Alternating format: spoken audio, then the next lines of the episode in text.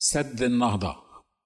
كعادتي كلما طفت على سطح الأحداث المتلاحقة والمتلاطمة الأمواج بأسرع مما يستطيع المرء أن يتابعها ببصره وبالتالي يعجز عن أن يسبر غورها أو أن يتناولها بالتفكير والتحليل ليقف على تشخيص أسبابها وطرق علاجها والبدائل المتاحة للتعامل معها أجد نفسي مرغما على أن أقارن هذا الحدث أو ذاك بما يحدث في الكنيسة في هذه الأيام في مصر والبلاد العربية حيث أن اهتمامي بالكنيسة وأحوالها وما يحدث معها وبها وفيها أي ما كان وما هو كائن وما سيكون من أمرها هو كل اهتمامي وأول أولوياتي في الحياة الدنيا.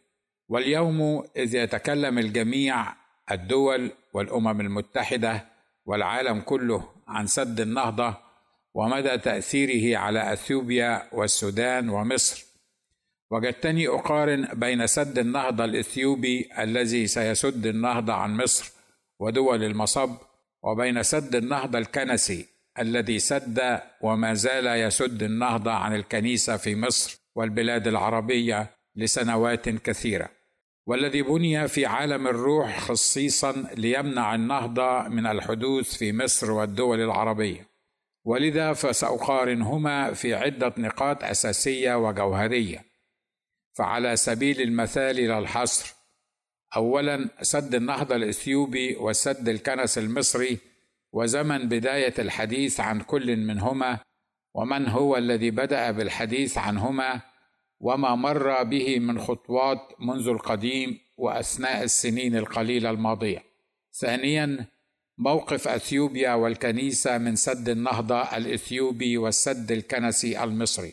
ثالثا ما كان وما هو كائن وما لا بد أن يصير من نتائج لبناء كل من سد النهضة المادي الإثيوبي والسد الروح المصري من جفاف وتشقق في الأرض والمجاعات الحادثة والتي ستحدث وخاصة في مصر بسبب وجودهم. رابعا كيفية التعامل مع سد النهضة الروحي لتأتي النهضة إلى مصر والوطن العربي. أولا بدء الحديث عن سد النهضة الإثيوبي كما جاء في موقع الويكيبيديا الموسوعة الحرة. قال الموقع ما نصه: كانت دول حوض النيل في السابق مستعمرات لدول أجنبية ثم حصلت هذه الدول على استقلالها وظهرت أولى الاتفاقيات لتقسيم مياه النيل عام 1902 في أديس أبابا وعقدت بين بريطانيا بصفتها ممثلة لمصر والسودان وبين أثيوبيا. ونصت على عدم إقامة أي مشروعات سواء على النيل الأزرق أو بحيرة تانا ونهر السباط ثم ظهرت اتفاقية بين بريطانيا وفرنسا عام 1906 وظهرت عام 1929 اتفاقية أخرى.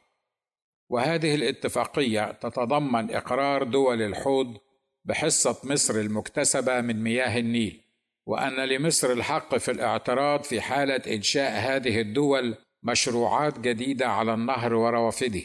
وهذه الاتفاقية كانت بين مصر وبريطانيا التي كانت تمثل كينيا وتنزانيا والسودان وأوغندا.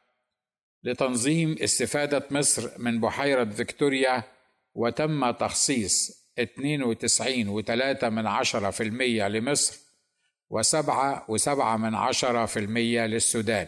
إلى هنا تم اقتباس ما كتبه موقع الويكيبيديا عن بداية الحديث عن سد النهضة الإثيوبي. ويمكننا بكل وضوح أن نرى عدة متشابهات بين ما حدث مع كل من السدين.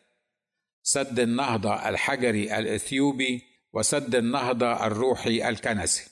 يبدأ الحديث بأن دول حوض النيل كانت مستعمرات ومحتلة من العدو الإنجليزي وحصلت على استقلالها، وهكذا كانت الكنيسة مستعمرات وأرواح وأجساد مستعبدة للعدو إبليس الحية القديمة، ولكنها تحررت منه عندما انهزم العدو المحتل وأشهر جهارا في موقعة الصليب وفقا للقول الكتابي عن سيد كل الأرض المسيح يسوع تبارك اسمه أنه جرد الرياسات والسلاطين أشهرهم جهارا ظافرا بهم فيه أي في موقعة الصليب وبناء على نصرته تبارك اسمه كان لابد للعدو أن يستسلم ويبعد عن الكنيسة ولا يبرم المعاهدات لا معها ولا كممثل لها مع غيرها. حتى لو كانت هذه المعاهدات والاتفاقات تبدو وكأنها لمصلحتها. فالعدو أي عدو في أي مكان أو زمان لا يعمل إلا لصالحه هو ولا يبرم المعاهدات إلا تحقيقا لأطماعه الشخصية ومصلحة مملكته فقط. ولتثبيت أقدامه وتقنين وجوده في البلاد المحتلة أو المستعمرة منه. ويقول التقرير السابق وظهرت أولى الاتفاقيات لتقسيم مياه النيل في 1902 ومن الواضح من كلمة ظهرت أن تفكير العدو في الاستفادة من مياه النيل عن طريق تحكمه في الدول التي كانت قد تحررت منه أو على وشك أن تتحرك منه يعود إلى ما قبل 1902 وما كان هذا التاريخ إلا بداية إعلان فقط عن تدخله ليبرم المعاهدات مع أو نيابة عن هذه الدول حتى يظل متحكما فيها وفي مياهها أما سد النهضة الروحي المصري فقد بدأ منذ آلاف السنين أو قل بدأ قبل تأسيس مصر بل قبل تأسيس العالم.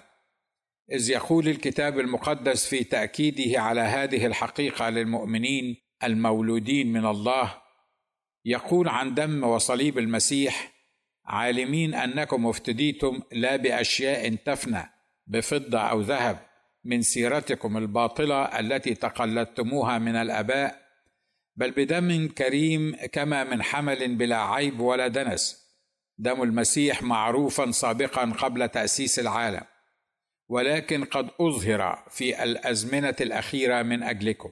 وكتحصيل حاصل إن كان دم المسيح معروفا سابقا قبل تأسيس العالم تكون خطط الشيطان لسقوط الإنسان وكل ما يترتب على وجود هذه الخطط الشيطانية والتي من بينها بناء ليس سدا واحدا بل سدود روحية ضد النهضة الكنسية في مصر. يكون كل هذا معروفا سابقا قبل تأسيس العالم أيضا. وما نحن اليوم إلا بمشاهدين لفيلم معاد لزمن وتأثيرات ونتائج بناء العدو لسد النهضة عن الكنيسة.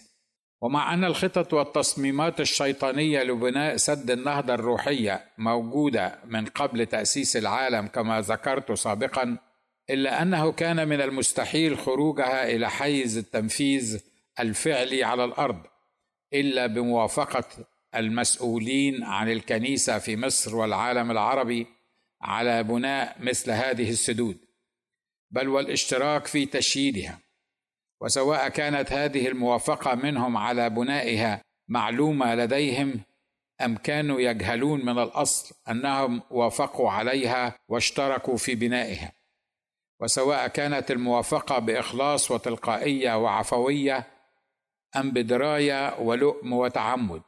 فالنتائج في كل الأحوال واحدة وهي تقليل أو منع المياه الروحية الواصلة إلى الكنيسة المصرية وإصابتها بالجفاف وعدم الإثمار المادي والروحي.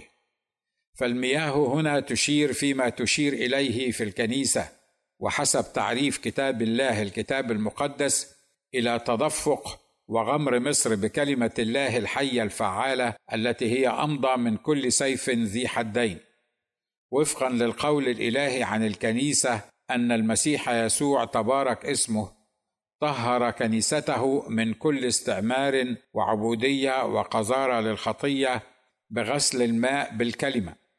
ولقد قال الوحي المقدس أيها الرجال أحبوا نساءكم كما أحب المسيح أيضا الكنيسة وأسلم نفسه لأجلها لكي يقدسها مطهرا إياها بغسل الماء بالكلمة.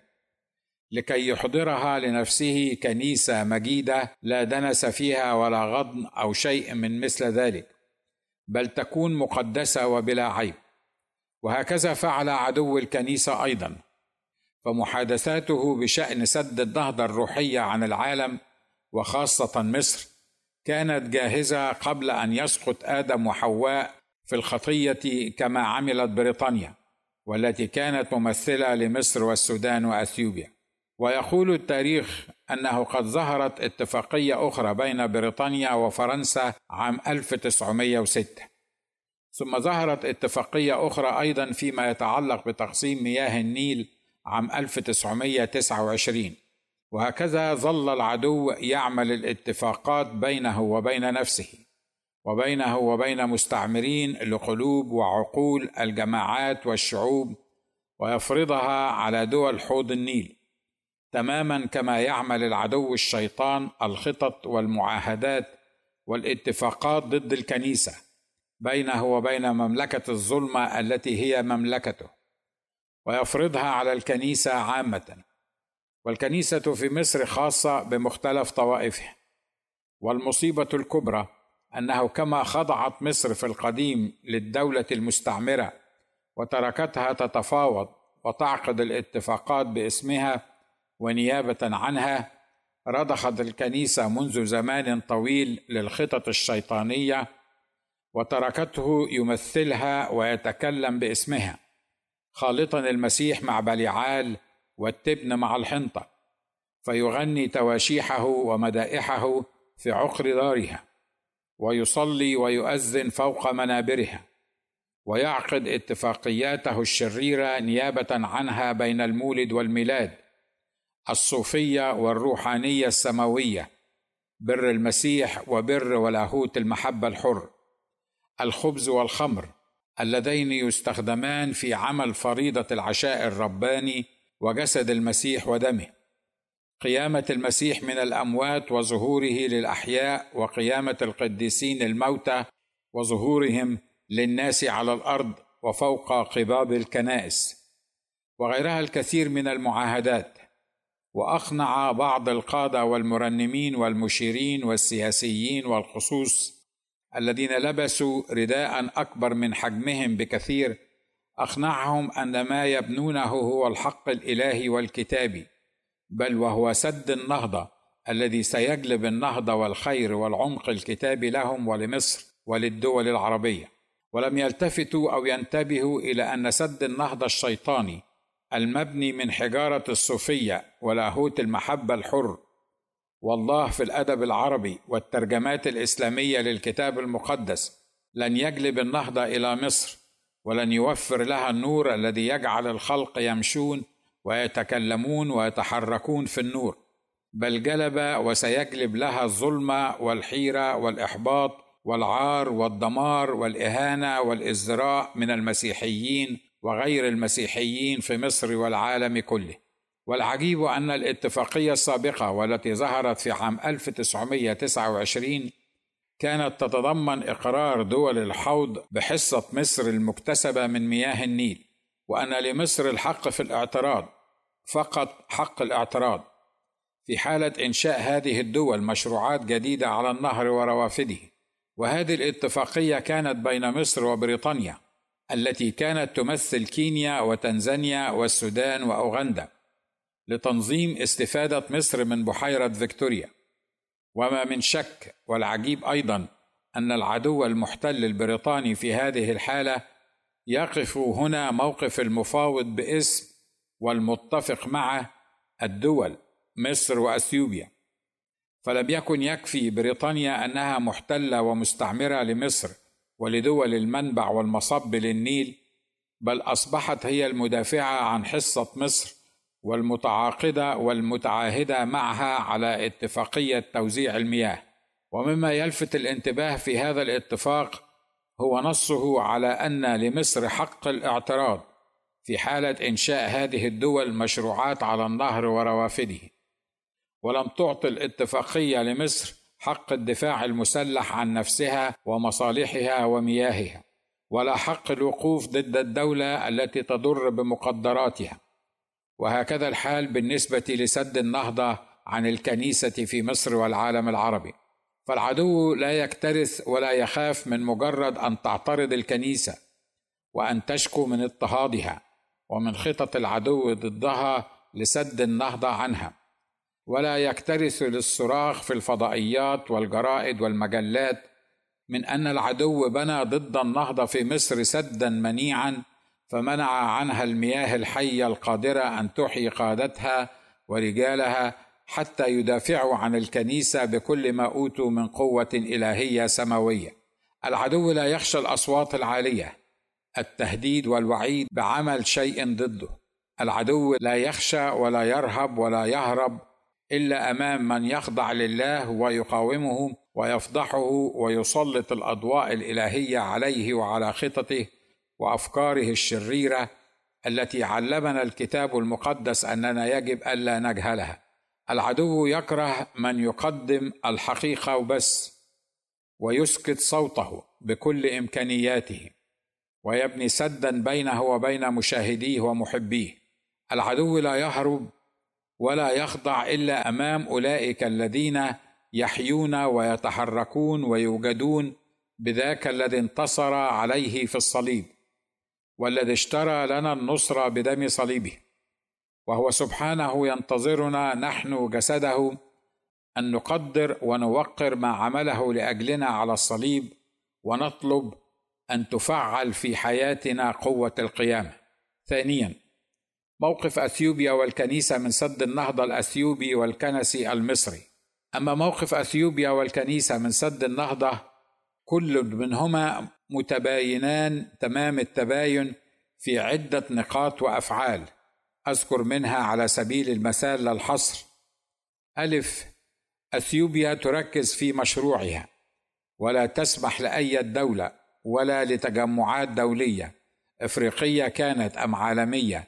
أو حتى لدول العالم أجمع في الأمم المتحدة أو مجلس الأمن أن تشتتها وتحول أنظارها عن إتمام مشروعها والانتهاء منه وفقا لخطة زمنية محكمة ومدروسة وضعتها هي بنفسها لنفسها من البداية للنهاية أي من بداية دراسة المشروع ثم بدء الإعلان عنه ثم بدء البناء ثم بدء الملء الأول ثم الانتهاء من الملء الثاني وتصر على المضي قدما في تنفيذ خطتها مهما كلفها الأمر. تماما كما فعل نحميا نبي الله في القديم عندما قرر أن يبني سور أورشليم المنهدم ويوقف أبوابه وعوارضه ويحصن المدينة المقدسة ويطهرها لتليق باسم رب الجنود. فلم يلتفت نحميا لا لخطط الأعداء ضده ولا لمحاولات مساومته ومناقشته في أي جزئية من جزئيات بناء السور حتى لا يتم تعطيله عن المضي في تكملة بنائه ولم ينشغل حتى بمحاولات قتله شخصيا وغير ذلك الكثير. أما الكنيسة فقد بني السد ضد نهضتها نتيجة لأجل سيطرة روح السبات عليها فهي نائمة ومشتتة في عدة اتجاهات ومشروعات ومحاربات وهرطقات والجري وراء الإرساليات والهيئات المحلية والعالمية.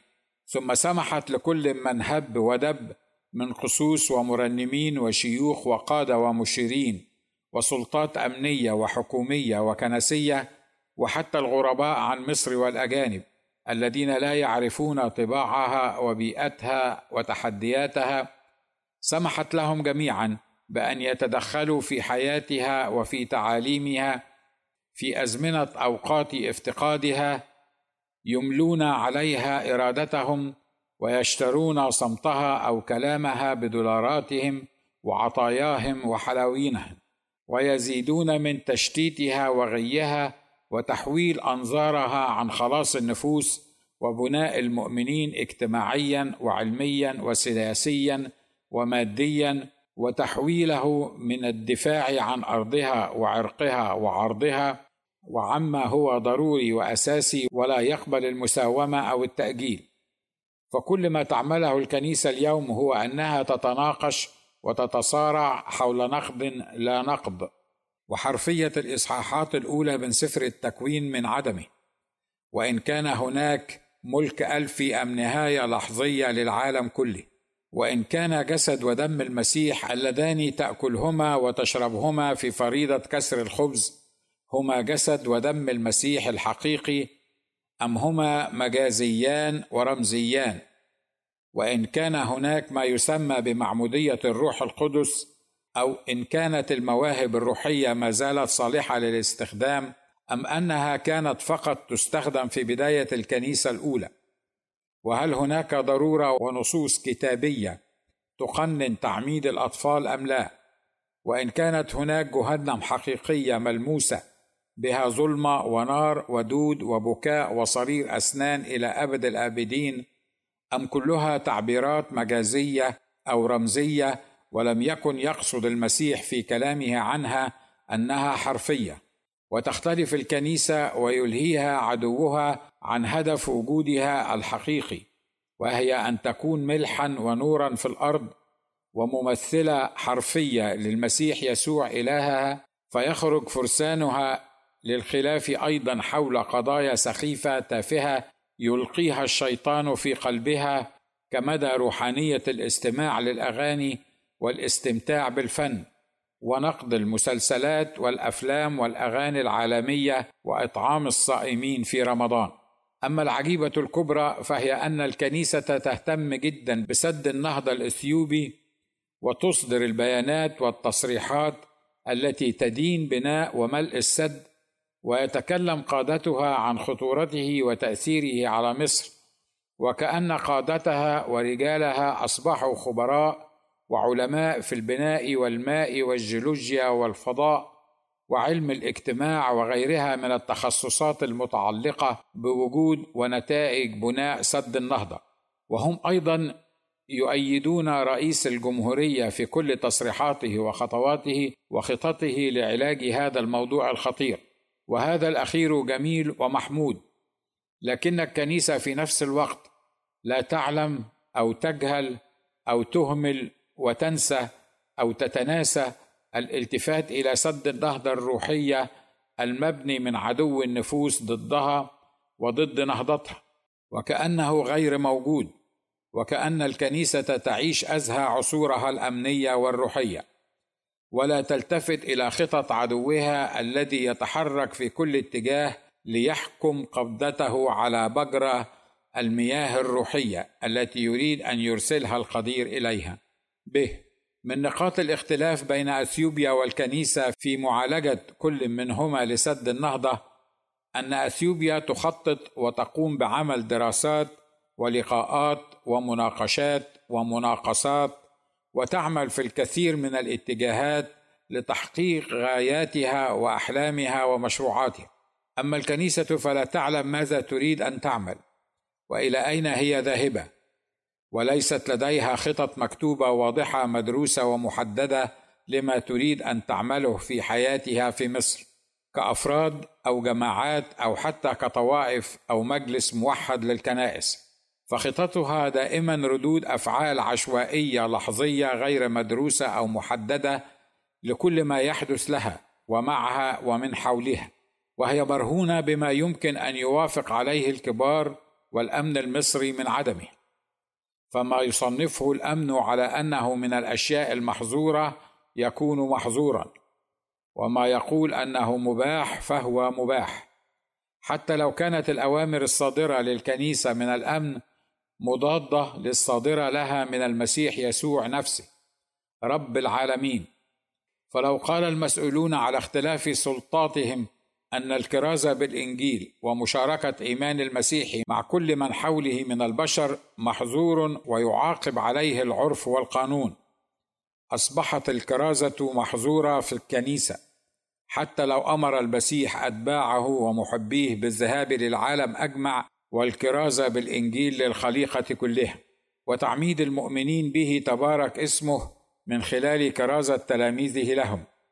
وتعليمهم ما جاء بالتوراة والإنجيل وتلمذة التائبين الراجعين من كل أمة ودين وشعب ولسان وجعلهم تلاميذ له تبارك اسمه ليذهبوا هم أيضا بدورهم للعالم أجمع ويكرزوا بالإنجيل للخليقة كلها وهو أهم وآخر ما أعطاه السيد المسيح لتلاميذه ولمؤمنيه من أوامر وتوصيات ومع ذلك فالكنيسة لا تكرز ببساطة لأن الكرازه بالإنجيل لا يوافق عليها الشرير وأتباعه في الأرض. الذين لا سلطان لهم على أجساد المؤمنين إن لم يكونوا قد أعطوا هذا السلطان من فوق من السماء أي من شخص المسيح ولا سلطان لهم البت على أرواحهم وحياتهم.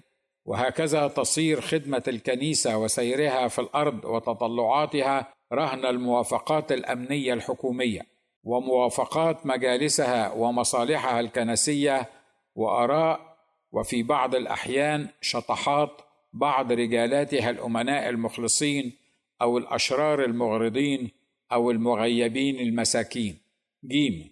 من بين الفروق أيضا بين الكنيسة وأثيوبيا في مسألة سد النهضة أن أثيوبيا تعرف إمكانياتها ومحدوديتها وقدر نفسها وتطلب المساعدات والخبرات العلمية والعملية الدولية لبناء سدها وإتمام مشروعها. أما الكنيسة فلا تعرف إمكانياتها التي لها في المسيح ولا تعرف محدوديتها بدونه. وتتناسى أنها بدونه تبارك اسمه لا تستطيع أن تعمل شيئا. ولذا فهي في معظم الأوقات لا تطلب مساعدته ولا تستفيد بخبرات أتباعه تبارك اسمه العلمية والعملية والدولية. ولسان حالها وحال رؤسائها أنا غني وقد استغنيت ولا حاجة لي إلى شيء. وبذلك فهي تبني حاجزا وسدا للنهضة فتعرقل وتفسد النهضة الروحية التي يريد الله أن يعملها في وسطها دال. اثيوبيا تستعد بكل إمكانياتها وحتى بالسلاح الحربي للدفاع عن سدها ومائها وطاقتها الكهربائية وتدرب جيشها ورجالها على استخدام أسلحتها العسكرية الجسدية الإنسانية غير القادرة على الوقوف في وجه أعدائها ولا على هدم حصونهم. أما الكنيسة فلا يتذكر جل قادتها وخدامها وشعبها أنها في صراع وحرب روحية مستديمة مع قوات الشر الروحية في السماويات بل يسخر معظم قادتها حتى من فكرة وجود حرب روحية شيطانية. فهم لا يؤمنون أن هناك شياطين اليوم في عالم الروح بالرغم من أن كتاب الله الوحيد الكتاب المقدس سبق فحذرهم بحصر اللفظ في قوله فإن مصارعتنا ليست مع دم ولحم بل مع الرؤساء مع السلاطين مع ولاة العالم على ظلمة هذا الدهر مع أجناد الشر الروحية في السماويات. وأمر أعضاءها احملوا سلاح الله الكامل لكي تقدروا أن تقاوموا في اليوم الشرير. وبعد أن تتمموا كل شيء أن تثبتوا. وعلمهم أن أسلحة محاربتنا ليست جسدية بل قادرة بالله على هدم حصون. ثالثا ما كان وما هو كائن وما لا بد أن يصير من نتائج بناء وملء سد النهضة الاثيوبي الحجري وسد النهضة الروحي الكنسي. ففيما يخص ما كان فإن مصر لم تنتبه ولم تفهم خطط العدو الإثيوبي لتستفيد بمياهها. وظنت أن النيل هو ملكها ومصدر سعادتها وازدهارها وأنه ليست هناك قوة في الأرض تستطيع أن تمس النيل ولا مياهه بضرر. وأن مياه النيل من حقها ولا يمكن أن تجف مياهه وتنشف أرضه. فهي دولة المصب الأخيرة ولذا فقد أساءت استخدام بركة مياه النيل في كل عصر من عصورها. ففي عصر الفراعنة كان ملوكها يتعبدون ويكرمون إله المياه وإله النيل وتنكروا للإله الوحيد الحقيقي الذي خلق المياه بكلمة قدرته. والذي يمطر على الأشرار والصالحين. وبدلا من أن تستخدم السلطات الفرعونية النيل لبركة مصر ومن فيها استخدمته لقتل أطفال شعب الله. فالتاريخ الوحيد الصحيح والمدون في كتاب الله الوحيد الكتاب المقدس يقول ثم أمر فرعون جميع شعبه قائلا كل ابن يولد تطرحونه في النهر أي في النيل. لكن كل بنت تستحيونها. وهكذا عكر ونجس الفراعنة مياه النيل بخطية وجريمة إغراق الأطفال الأطهار الأبرياء وقتلهم فيه. فوجبت اللعنة الإلهية على نهر النيل وبالتالي على مصر جمعاء. تلك اللعنة التي جعلت القدير الفعال لما يريد يقتل في الضربة العاشرة من ضرباته لمصر كل بكر من ابكار مصر. من بكر الفرعون الجالس على العرش إلى بكر الجارية التي تطحن على الرحى. فالحساب والعقاب من جنس العمل. قتل الفرعون القليل من أطفال شعب الله. فقتل الله للفرعون كل بكر في كل بيت من بيوت المصريين.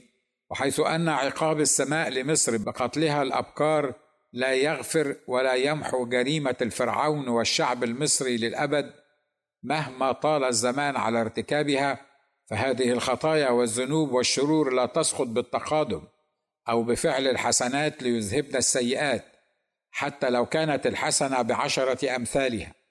وحتى لو ضاعف الله لمن يشاء. وأن مثل هذه الجرائم لا تسقط إلا بالاعتراف بالجريمة والإقرار بأنها جريمة. وبطلب العفو والصفح والغفران من رب العباد.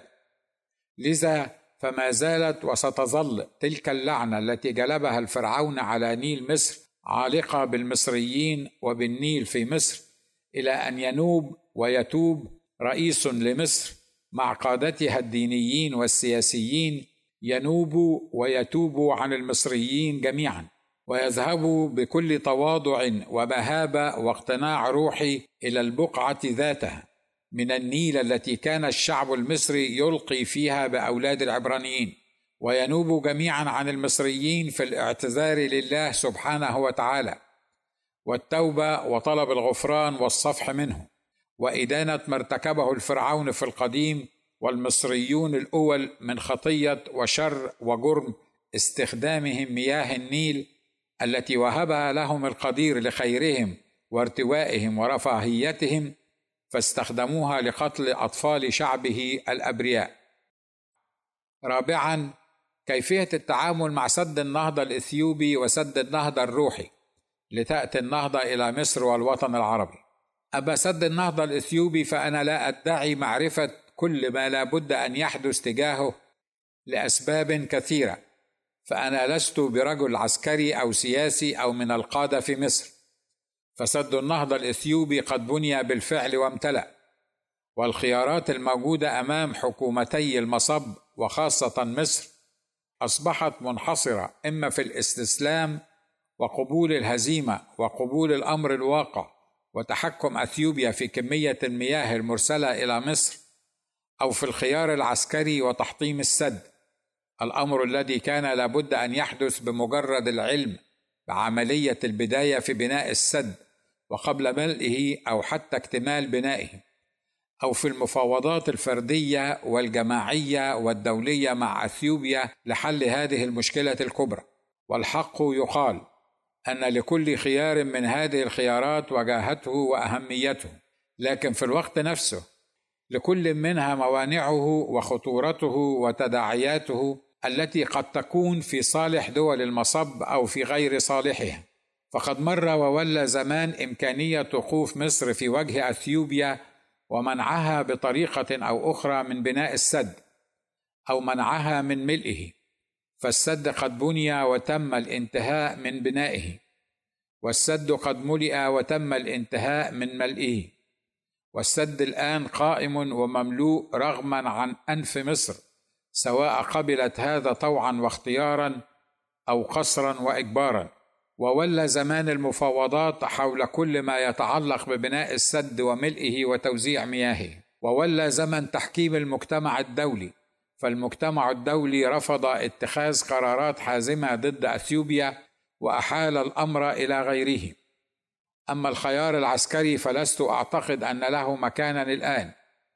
فضرب السد سيؤدي إلى إغراق دولتي المصب بمياهه وإعلان حرب بين عدة دول قد تصبح حربا عالمية إذ أنه ستنضم إلى أثيوبيا وإلى دولتي المصب الكثير من الدول المستفيدة والمدعمة والمغرضة والتي على رأسها أمريكا ومن بينها إسرائيل.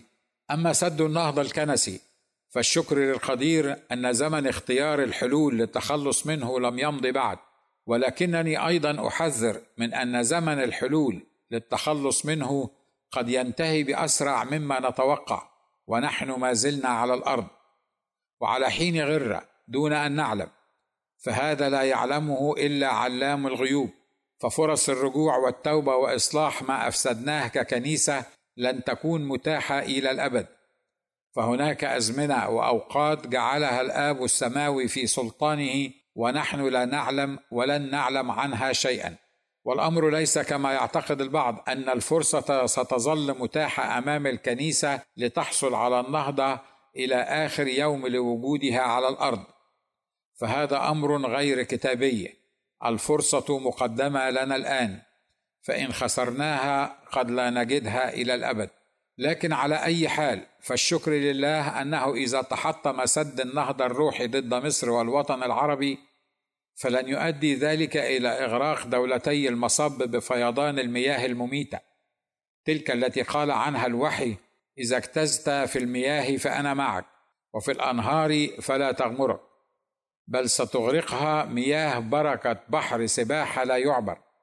يكون مصدرا لازدهارها ونهضتها الحقيقية وخصوبة تربتها للإثمار وخلاصا للنفوس من كل نشف وجدوبة وتشقق وعطش للأرض والناس وسببا في غمر المصريين وملئهم من الروح القدس. وحسب رؤيتي الشخصية للأمور فإن الطريقة الصحيحة للتعامل مع سد النهضة المصري الروحي وتحطيمه لابد أن تكون كالتالي ألف تبدأ الكنيسة المصرية بدراسة كتابية مسيحية للأسباب والمسببات لسد النهضة عنها. ولا بد من أن تفهم الكنيسة الطريقة الكتابية للتعامل مع كل سد للنهضة أقامه العدو إبليس ضد البشرية والمؤمنين في القديم والحديث في البلاد والأزمان المختلفة. أي لابد من الرجوع إلى كتاب الله الوحيد الكتاب المقدس ودراسة الأمور الكتابية التي سطرها الكتاب وكانت سببا في سد النهضة عن الشعب القديم. والتي من أبرزها عصيانهم وتمردهم على الله ولا بد من دراسة المتطلبات الإلهية من الكنيسة ليحطم الله سد النهضه الشرير ويهبنا تدفقا للنهضة الروحية الكتابية الصحيحة. به. ولتحطيم سد النهضه الشيطاني لا بد للكنيسة من دراسة أنواع المواد والأحجار الشيطانية التي يستخدمها العدو في بناء سد النهضة. حتى نعرف كيف نتعامل معها وكيف نحطمها. فيحدث بالنسبة له سد نهضته الشيطانية والتي تسد الطريق أمام حدوث نهضة حقيقية في الكنيسة اليوم. أما عن أنواع الأحجار التي استخدمها العدو ليبني سد النهضة ضد الكنيسة في مصر والوطن العربي فأذكر منها على سبيل المثال للحصر ألف حجر العنجهية الطائفية والإفتخار بمن هي الكنيسة الأم ومن هي الكنيسة الأجنبية الدخيلة على المسيحية في مصر؟ ب. حجر الاتهامات وتخوين احدنا الآخر والصراع في المحاكم الملية والعرفية والمدنية المصرية وتخيلات انتصارنا أحدنا على الآخر ومنع ممارسة الحرية الشخصية لكل مجمع أو مذهب يبغي التخلص من سيطرة جماعة يرى أنها ظالمة له. جيم. حجر الاعتماد على التمويلات الخارجية لكنائس وجماعات وهيئات مغرضة ولها أجنداتها الخاصة والتي تريد أن تجبر الكنيسة المصرية على اعتمادها والموافقة عليها. دال حجر التعاليم الصوفية الفاسدة وخلط الإنشاد الروح المسيحي مع الإنشاد الديني الإسلامي وخلط أقوال وأشعار ربع العدوية والحلاج مع صفات وأقوال الراقدين من القديسين الحقيقيين أو خلط أقوال الآباء والقديسين وغيرهم وجعلها مساوية لأقوال الله المدونة في الكتاب المقدس. ه حجر تعاليم الشفاعات وظهور أجساد القديسين والقديسات الراقدين والراقدات سواء في المسيح أو الذين هم راقدون خارجه. وكذلك تعاليم المطهر وخروج الماء والدم من أجساد الموتى بعد موتهم بسنين. وربط هذا بكلمة الله كدليل على أن الله لا يترك نفسه بلا شاهد. واو حجر المفهوم الخاطئ لكلمة نهضة حيث يزرع العدو الكثير جدا من المفاهيم الخاطئة في أذهان البشر أجمعين وخاصة المؤمنين الذين لو أمكنه لأضلهم سواء السبيل. يقنع الشيطان الحي القديم المؤمنين أن النهضة هي اجتماعات انتعاشية ليلية تعقد في مكان ما ويدعى لها واعظ شهير قد تكون موهبته هي الوعظ وقد تكون غيرها من المواهب التي يعطيها المسيح بالروح القدس لأولاده من المؤمنين الحقيقيين. ويدعى لهذه الاجتماعات الجميع من الخطاة والمولودين ثانية. وعادة ما يصاحب هذا الواعظ أو ذاك نوع خاص من المرنمين الذين يجذبون الكثيرين بموسيقاهم أو ترنيمهم أو كليهما. وقد تصاحب ذلك دعوة عامة مكتوبة توزع على الناس وغالبا ما يكتب عليها.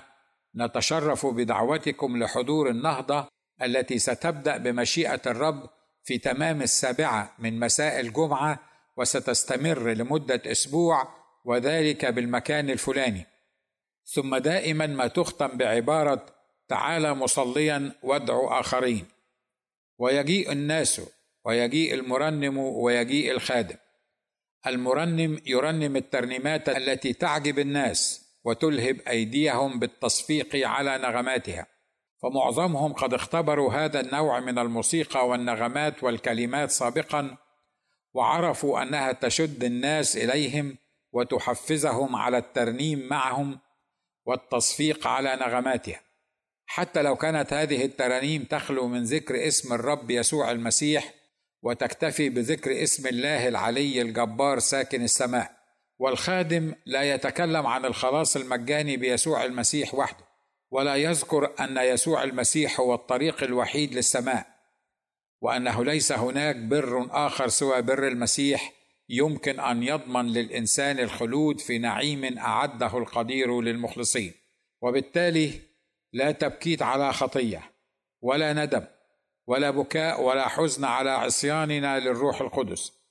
ولا قرع صدر حقيقي ولا رأس منكس إلى أسفل وقلب ولسان يقولان اللهم ارحمني أنا الخاطي ولا توبة قلبية صادقة وكتحصيل حاصل لا تغيير في حياة من يدعي أو من يظن أنه تائب ونادم على الخطايا تحت تبكيت الروح القدس.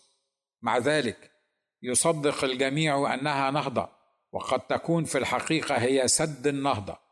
النهضة الحقيقية هي تبكيت للنفوس وتوبة صادقة من القلب وتمليك السيد الرب يسوع المسيح وحده على الحياة والكيان كله والامتلاء اليومي من الروح القدس والرجوع والعطش لكلمة الله وحمل صليبه وتبعيته تماما حيثما يمضي.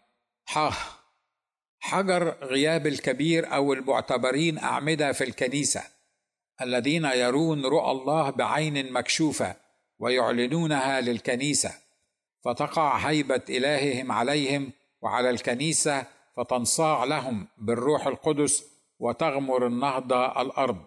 طه حجر عدم الجري للشريعة وللشهادة وإحلال ودخول المنطق البشري الجسدي النفسي الشيطاني وغياب المنطق الروح الإلهي المبني على مبدأ رأى الروح القدس ونحن كاف. حجر تولي السلطة ورئاسة الطوائف لمن هم ليسوا بالضرورة من يكونون من أناس الله القديسين المسوقين من الروح القدس. وبالتالي لم يخترهم الرب بل اختارهم الناس لملء هذه المناصب لمصلحة ما أو لسبب أو لآخر.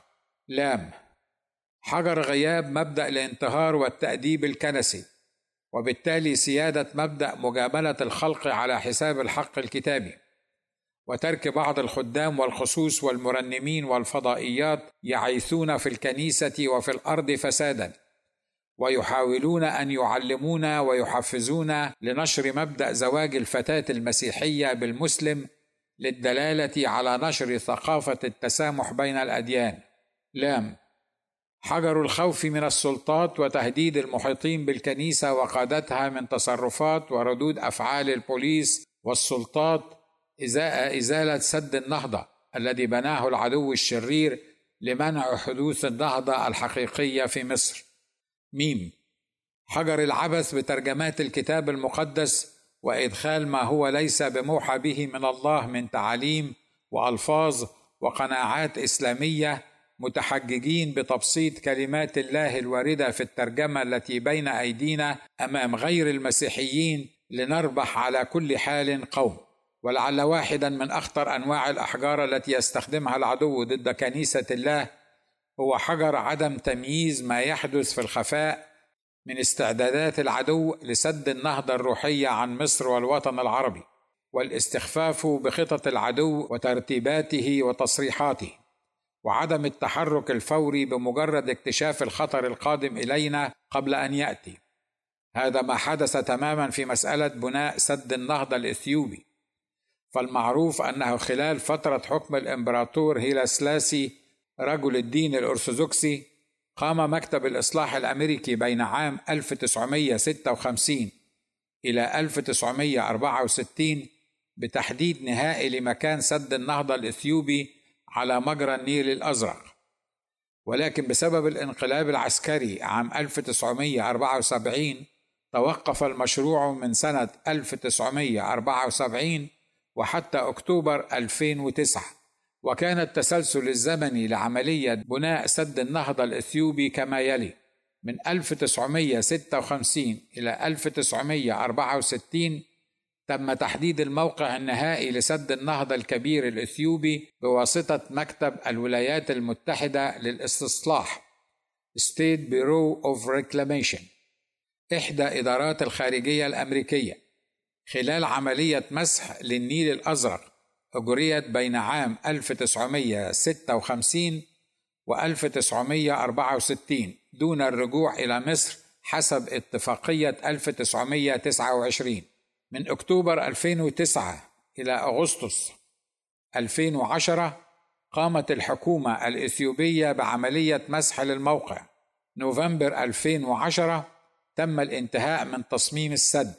31 مارس 2010 وبعد يوم واحد من الإعلان عن المشروع تم منح عقد قيمته 4.8 من عشرة مليار دولار دون تقديم عطاءات تنافسية للشركة الإيطالية ساليني. 2 إبريل 2011 وضع رئيس وزراء اثيوبيا السابق مالاس زيناوي حجر الأساس للسد وقد تم إنشاء كسارة للصخور جنبا إلى جنب مع مهبط للطائرات الصغيرة للنقل السريع. 15 إبريل 2011 أعاد مجلس الوزراء الإثيوبي تسمية السد بسد النهضة الإثيوبي الكبير حيث كان في البداية يطلق عليه مشروع إكس وبعد الإعلان عن عقود المشروع سمي بسد الألفية. مايو 2010 أعلنت أثيوبيا أنها سوف تتقاسم مخططات السد مع مصر حتى يمكن دراسة مدى تأثير السد على المصب. مارس 2012 أعلنت الحكومة الإثيوبية عن ترقية لتصميم محطة توليد كهرباء السد وزيادتها من 5250 ميجا وات إلى 6000 ميجا وات يوليو 2019 التاريخ المقرر فيه أن يتم الانتهاء من المشروع. 15 يوليو 2020 أعلن وزير الري الإثيوبي عن البدء في ملء سد النهضة رغم عدم التوصل إلى اتفاق بين الدول الثلاثة مصر والسودان وأثيوبيا مؤكدا أن صور الأقمار الاصطناعية الأخيرة لسد النهضة كانت صحيحة والأسئلة التي ينبغي أن تفرض نفسها علينا كدولة وبالتالي ككنيسة هي أين كانت الدولة المصرية منذ 1956 وحتى اليوم؟ ماذا كان يعمل الضباط الأشرار أصحاب انقلاب 1952 هل كان يعرف أحدهم أن هناك دولة اسمها أثيوبيا يمكن أن تبني سدا للنهضة فتكون سبب منع النهضة عن مصر؟ وما الذي قاموا به من خطوات عملية ضد هذا السد؟ هل اكتفوا بالصراخ والشكاوي والتحذير والوعيد والمفاوضات والاحتجاجات بينما العدو يتقدم في تحقيق مخططه الشيطاني الذي وصل إلى حد أن مصر الآن لا يمكنها أن تضرب السد وإلا ستكون الخسارة أكبر وأفدح من أن تتحملها الدول المعنية جميعا. أليست هذه هي الأسئلة التي لابد أن توجه أيضا للكنيسة العامة في مصر؟ أين كنت يا كنيسة الله عندما بنى العدو الشرير سدا للنهضة أمامك في مصر؟ أين كنت يوم قام المحتل الإسلامي باحتلال أرضك؟ أين كنت يوم أصدر العزبي باشا قراراته العمرية بخصوص بناء الكنائس؟ أين كنت يوم بنيت جامعة الأزهر وقيل لك أن أولادك لا يمكنهم الالتحاق بها كأترابهم المسلمين؟ أين كنت عندما كتبت الدساتير والمعاهدات التي خلت من أي ذكر لك؟ أين كنت حين قتل أولادك وشرد أهلك وخطفت بناتك القصة؟ أين كنت حينما هدمت مبانيك وسرقت أوراق امتحانات أبنائك وأعطيت للفاشلين؟ أين كنت عندما قتل كهنتك وخصوصك واودعوا في السجون؟ أين كنت عندما حكم على أبنائك القصر بالسجن لمدة خمس سنوات لا لشيء إلا لأنهم أدانوا تصرفات جماعة داعش الإجرامية؟ أين كنت عندما تعرت أم من أمهاتك وهي واحدة من بناتك كما يحلو لك أن تطلقي هذه الصفة على نسائك. هل اكتفيت بالشعارات والكلمات المأثورة؟ هل اكتفيت بأن ربنا موجود؟ أو أن مصر وطن يعيش فينا وليس فقط نعيش فيه؟ أو أننا نعيش في أزهى عصورنا؟ أو أنه ليس هناك اضطهاد واقع علينا في مصر؟ هل اكتفيت بصياح في جبل المقطم لمدة دقائق؟ وشبابك ورجالك ونساؤك يهتفون. يسوع يسوع يسوع. هل اكتفيت بتصاريح اعتماد بعض كنائسك الموجودة قبل عشرات السنين أو مئات السنين بأمر المسيح؟ ولو كنت يا كنيسة استيقظت من نومك من قريب أو بعيد لكان لدينا أمل في أن يزال سد النهضة من أمامك. ولكن انتظرنا بصبر وبسكوت أن يأتي مشتهى الأمم ويعرف المصريون الرب ويعرف الرب في أرض مصر. فلقد أدى عدم حراكك واكتراثك واتخاذك لمواقف حازمة مشرفة في الدفاع عن أولادك إلى فقداننا الثقة فيك وفي أنفسنا. وحتى فقدان بعضنا الثقة في إلهنا القدير القادر على كل شيء في أنه بإمكانه أن يحمينا ويدافع عنا وهو الفعال لما يريد. وهو الذي نستغفره ونتوب إليه ونحتمي به منه.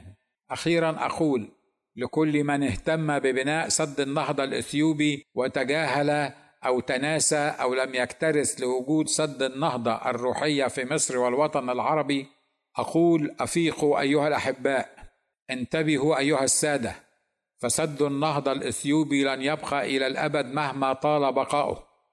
فالأرض والمصنوعات التي عليها سوف تحترق يوما بالنار ولا دخل لسد النهضة الإثيوبي بالمصير الأبدي للبشر. أما سد نهضة الكنيسة فسيؤدي إلى تيهانكم ومعاناتكم وعطشكم في الأرض فتتسولون من المحسنين ليلقوا لكم بفتات الروحيات والتعاليم الغاشة.